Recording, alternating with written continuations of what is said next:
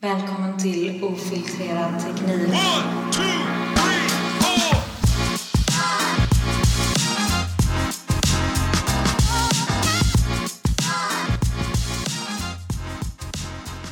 Välkomna tillbaka till podcasten Ofiltrerad teknik. Ja, välkomna. Idag ska vi faktiskt prata om ett spännande ämne, nämligen månen.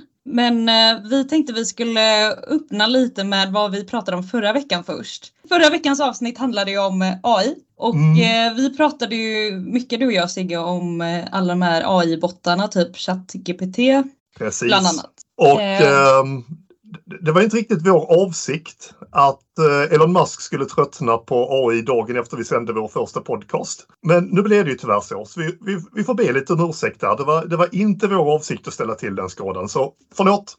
Förlåt. Ursäkta oss Elin, det var inte meningen. Nej men det var även OpenAI som driver då ChatGPT. De släppte ju att nu drar vi handbromsen och alla som har AI-bottar ska lugna ner sig i sex månader. För att nu börjar det här gå lite överstyr tyckte de. Och de ja. Så att eh, vi eh, ville bara passa på att ta upp det ämnet igen. Och, och, och, och liksom, när har någonsin en ingenjör lyssnat när någon har sagt du ska inte forska för mycket på det här. Det är ungefär som att säga till en unge du får på inga villkor titta i det skåpet. Jag menar, de, de kommer bara hetsa nu. Precis, vem kan vara först? Vem kan släppa nästa snabbast? Ungefär. Ja, ja nej, och liksom den här uh, killswitch-ingenjören som du hittade förra veckan, alltså det, är- han blir mer och mer aktuellt. Han står med flera liter vatten redo. Alltså, den här uh, lite anorexihankige Michael Bean som fick vara i James Camerons Terminator som hjälte. Det blev väldigt bra film, men det var inte ett dugg realistiskt. Man skulle haft en sån där eh, ser det ut som jag bryr mig tjock Salk Galifianakis istället för en baksmällan. Som stod med vattenhänken och liksom bara blänger på folk och har obekväma samtalsämnen. Och då hade det varit mycket närmare var verkligheten faktiskt landade. Så sorry Terminator, men du fick lite fel.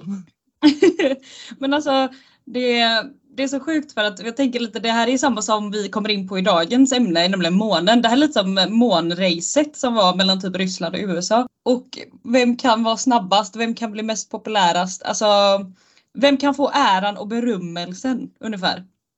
Ja, men Eh. nu har vi, vi har kommit över till månämnet nu alltså. Ja, Ja, men då så. jag tänkte vi, drar en kort introduktion på vad som har hänt. Eh, för vi har mycket spännande att prata om idag så jag hoppas att ni är redo. Ehm, Så nu kör vi igång med månen. Well, jag ville bara passa på att hoppa in här och eh, lägga en eh, disclaimer innan vi börjar avsnittet. För det är en sak jag och Sigge hörde när vi skulle prata om temat måne och det var Dean Martins That's amore. För att det låter väldigt mycket som That's amore. Så eftersom att vi varken har tid, pengar eller ork att bråka med skivbolag så får det helt enkelt bli en härlig ful cover. Så jag hoppas ni gillar denna. Moon hits the sky like a big pizza pie, that's amore. That's amore. Så det händer väldigt mycket just nu som talar för att vi är på väg tillbaka till månen. Vi har inte varit där sedan 1972 då Apollo 17 åkte hem igen. Så det finns ett program som heter Artemis som är ett samarbete mellan NASA, Kanadas rymdstyrelse, ESA, det vill säga Europas rymdstyrelse och Japan. Det är väl JXA de heter. Så de har redan skickat ett rymdskepp som var obemannat som åkte ett varv runt månen och nästa år så tänker de skicka ett bemannat uppdrag som ska flyga ett varv runt månen. Och därefter så ska de faktiskt få det här gänget att landa. Så det är inte allt utan de har ju även den här nya rymdstationen Gateway som typ kommer bli ISS 2.0 typ. Som ska ligga och snurra runt månen och den ska väl vara helt färdig 2028 och de ska börja påta på den nästa år. Och då är tanken att framtida uppdrag till Mars och andra platser i solsystemet ska börja därifrån. Så idag ska vi titta på ny kommunikationsteknik som har kommit fram, ny energiteknik, nya rymdfarkoster, rymdmode och eh, ja, då de här lite mer avancerade baserna som är på väg. Mm, spännande blandning men allt eh, går tillbaka till våran fina måne. Mm.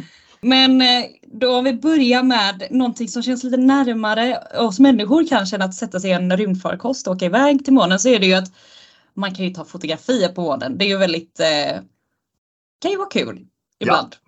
Eh, men nu har det nämligen uppdagat sig då att det är en Reddit eh, eller en Reddit eh, användare som har lagt upp att hmm, det är någonting som är lite skumt med Samsungs telefoner när det kommer till att fotografera månen. Och då tänker man, ah, men vad kan det vara? Samsung har ju släppt sen 2020 tror jag den första kom. Eh, deras eh, telefon som var S20 Ultra. Mm. Eh, där man då kunde typ superzooma och eh, få väldigt fina detaljerade bilder på månen. Vilket jag gjorde och var skitnöjd med och la ut på Facebook och så känner man sig lite som en idiot nu. Men jag fortsätter. Men det, man- det som han eh, användaren då, på, eh, han som det på det här på Reddit. Han har då tydligen Samsungs eh, S23 Ultra telefon. Och när han börjar ta ett foto på månen så ser man hur först att det är inte så superdetaljerat. Men om någon konstig anledning så efter att bilden har laddats klart då är den plötsligt superdetaljerad och jättefin och i fin högupplöst och allt det där. Så då börjar han gräva i det. Och tydligen då så är det att eh, Samsung har någon sån här de, de skyller på att de har en sån här väldigt detail engine function. Oj igen. Eh, precis. Så det gör tydligen då att den här lägger till detaljer. Alltså de här detaljerna finns ju inte innan i bilden. Men de kommer fram. Och det är precis som du sa Sigge, att det är ju någon AI engine då som de använder som lägger till detaljer som inte finns. Mm. Och då börjar man bli lite så här känna sig lite obekväm att okej, så den lägger till saker som inte finns för att promota och liksom visa upp att kolla hur bra våran kamera är, kolla hur detaljerat det är. Vi kan zooma in ända till månen, se typ kratrarna på månen och kanske en liten rymdgubbe som går där uppe. Nej men det, det är helt sjukt och det här, de har ju ändå haft det här ute då sen som jag sa 2020 Mm. och först nu har det liksom börjat eller då den här personen hittat att vad, vad är det som händer? Det här är inte på riktigt. Nej, precis. Det han gjorde var att han tog ju en bild på månen och gjorde den medvetet jättedålig. Så sänkte upplösningen och blurrade den så liksom verkligen, det fanns ingen information i bilden. Men då märkte ju AI i kameran att vänta, det är månen den försöker fotografera och bytte ut motivet till någonting jätteskarpt och jättefint. Mm. Så fools on us. Olssonas för Samsung säger ju att nej, nej, nej, nej. Vi gör ingen sån här overlaying eller vi lägger inte till någon textur eller effekter eh, på ett skitsnack. foto. Och det köper ju inte vi användare riktigt. eh, Som man kan se i den här Reddit-tråden att det här känns ju lite så halvt om halvt eh, suspekt. Men, men om, vi, om, vi, om vi tittar på lite cool teknik som faktiskt är på riktigt. Så har Rolls-Royce fått 3 miljoner pund av UK Space Agency för att bygga en kärnreaktor som man kan köra på månen. Det vill säga ett kärnkraftverk som man konstruerar på jorden och skickar till månen och sen kan använda. Så normalt sett i rymden så är det solkraft man använder för det menar man kan väldigt ofta komma åt väldigt gott om energi den vägen. Men de har kört med nukleär energi för de här gamla rymdskeppen, eller nu blir jag deprimerad att säga att de är gamla för de är lika gamla som jag. Eh, Vad initierade nu Sigge? Flabben. Nej, så Voyager 1 och Voyager 2, de skickades iväg samma höst som jag föddes. De är utanför solsystemet nu.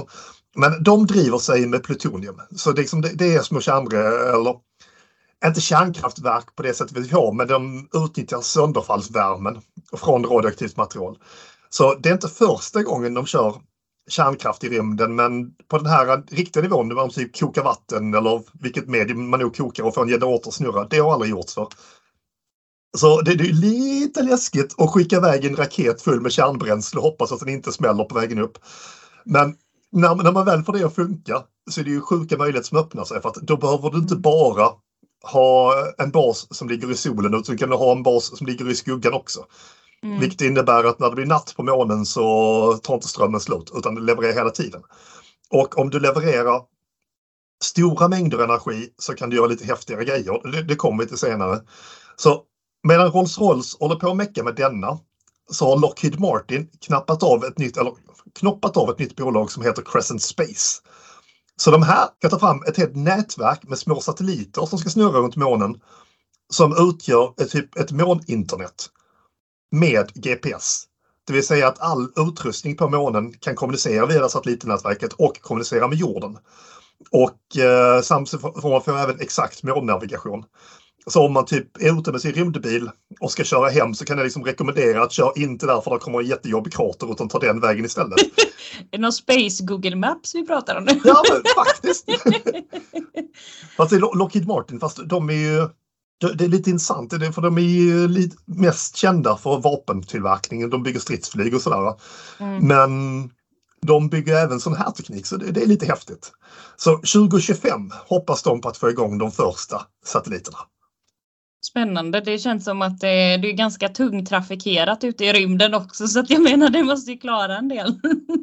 Ja, Allt möjligt som kommer flygande och ja. ja men precis. Alltså de här uh, mikrostenarna som sippar runt i solsystemet, de kommer i rätt jäkla hög hastighet. Så att det Mm. är, Man ser ju hur månen ser ut. Liksom. Det ser ut som mitt stora rum efter en brakskiva. Så att det, liksom, det, det, måste byggas för att hålla, en del, för att hålla. Ja, exakt. Men det är så mycket som händer. Det känns lite som att vi är inne nu då, alltså sedan 1972, vilket är, förlåt att säga det Sigge, men det är länge sedan. att de inte Jag var har... inte född 1972. Nej, men det var ändå länge sedan liksom de, att det inte har varit en människa på månen sedan dess känns väldigt sjukt egentligen när det var så himla överhypat och alla var väldigt taggade liksom. Ja, men det var ju liksom så här politiskt race på den tiden. Liksom att eh, supermaktsinnehavaren med först fick folk på månen hade lite längre saker än de andra supermaktsinnehavarna. Så det blev liksom en väldig tävling runt det. Precis. Sen när de väl liksom varit och härjat runt och insett att ja, men då har vi hoppat runt och tagit bilder och tagit med oss stenar. Det händer inte så himla mycket mer. Skit i det här, vi åker hem. Liksom, då, hade de, då hade de nått upp till vad den tidens teknik kunde mäkta med där uppe. Mm. Ja men precis. Men eh, då tänker vi, nu har vi pratat lite om eh, coola rymdbilar och hur vi kan flyga runt ute i rymden. Men vi behöver ju även ha någonting eh, trendigt att ha på oss om vi ska vara ute och eh, knata runt ute på månen till exempel. Så NASA har nu visat upp en ny rymddräkt som är lite mer fancy än de föregående. Vet de här traditionella vita stora dräkterna man fick hoppa in i Mm. uppifrån och ner. Eh, och var minst sagt bökiga. Nu den nya rymddräkten som de har släppt som är ett samarbete med en kostymdesigner som heter Ester Marquis. Eh, som har bland annat arbetat med eh, tv-serien som heter For All Mankind. Det kommer vara vit fortfarande för det är på grund av värmeskäl så det är liksom lite praktiskt att man inte brinner upp liksom när man tar på sig rymddräkten. precis. men man går in tydligen bakifrån och så tar på sig den. Så eh, det ska vara lite lättare och den här dräkterna de ska då börja användas under Artemis 3 som kommer vara då en vad ska man säga, en rymdexpedition får man väl kalla det. Mm. Där det kommer vara den första kvinnan och eh, den första färgade personen kommer få gå på månen. Så då ska de ha på sig den här eh, rymddräkten då. Och då, det finns lite nya coola funktioner såklart. Och den nya hjälmen kommer ha bland annat då något eh, ljusband över hjälmbubblan så att astronauter bättre då kan se. Även en HD-videokamera på sidan så att astronauter då kan livestreama från deras här point of view. Och ehm, också att ehm, det här kommer ju vara då som sagt på Artemis 3 och det planeras att lyfta redan 2025 så det är ändå alltså snart Det är kan man ju ändå säga. det, är det. I Ja, precis, slutet av det, 20... det, är precis. Artemis 2 ska ju åka runt månen bara, sen Artemis 3 ska landa. Precis. Så att eh, det kommer bli spännande. Så jag tänker vi, vi släpper klädtrenderna men det är en viktig detalj. Ja, men det är det ju. Så när, så när vi har astronauter med fräsiga dräkter, vi har gott om elektricitet från det lilla kärnkraftverket, det finns bra kommunikation, så behövs det ju vatten för att människor ska överleva under längre stunder. Så Mm. nu har det visat sig att eh, kineserna skickade dit en obemannad farkost 2020 och tog med sig lite eh, månskraftshem. Och i det här eh, gruset, eller stenbiten då, som inte från månen, så fanns det små glaspärlor. Alltså de är mindre än en milli- millimeter stora. som de tror uppstått när en asteroid har brakat in i månen. Och de här innehåller vatten. Och när man hettar de här glaspärlorna över 100 grader, och det är ganska lätt att fixa om man har ett kärnkraftverk till hands, så ångar det ut vatten. Och de, de primära analyserna visar att det kan finnas 270 miljarder kubikmeter vatten tillgängligt på månens yta i den här formen. Det vill säga ungefär 12-13 gånger mer vatten än vad som finns i Östersjön. Och Mm. kan man fixa vatten då har, och tillgång till gott om elektricitet, då kan du bryta fram syre och väte ur vattnet. Och då kan du saker andas och då saker som du kan använda till bränsle. Vilket innebär att du måste liksom inte skicka allting från jorden längre utan månen kan i viss mån börja producera mycket av de tunga och nödvändiga grejerna på, lokalt. Så Mm. typ närodlat syre på månen, det är, liksom, det är en rätt fet produkt.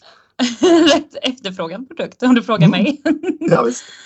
Men fräckt. Alltså det, det, det är coolt att höra hur mycket som händer utanför. Man tänker att det varit så mycket snack med typ Elon kan vi slänga in igen då eftersom att han har haft sina projekt med SpaceX och det är mycket snack om att åka till Mars och ja, det känns lite som att det, det har typ fått, kanske ge lite cred till Elon också att han kanske har rullat igång det här med att man ska utforska mer och våga testa mer och så här. Men det är coolt att se att det kommer hända väldigt mycket stora grejer framöver. Ja, Att, eh, ja men som du var inne på liksom att man kommer bygga den här eh, månbasen då. Och sen även att eh, längre fram är nästa steg är att ta den första människan till Mars. Det är Mm. rätt häftigt. det är riktigt häftigt. Så om vi fortsätter lite på temat, om vi går vidare när vi är på själva månen då, så månbaser. Så vi har, vi har vatten, men vi behöver bygga hus eller bas eller Ja. någonting, någonting att hålla oss inom, inomhus i helt enkelt. Precis. För, för det kommer jobbig strålning och sånt utifrån eh, rymden Mm. på månen. Så du måste ha någonting som du kan skydda dig i om du ska vara där än en liten stund. Precis. Så istället då för att eh, man tar med sig material som är både jobbigt att transportera till månen och eh, dyrt. Så istället så ska man försöka ta material från månen istället och använda det för att bygga. Så det de har upptäckt då att de kan bygga måntegel. För att bygga då. Ja, förbannat coolt.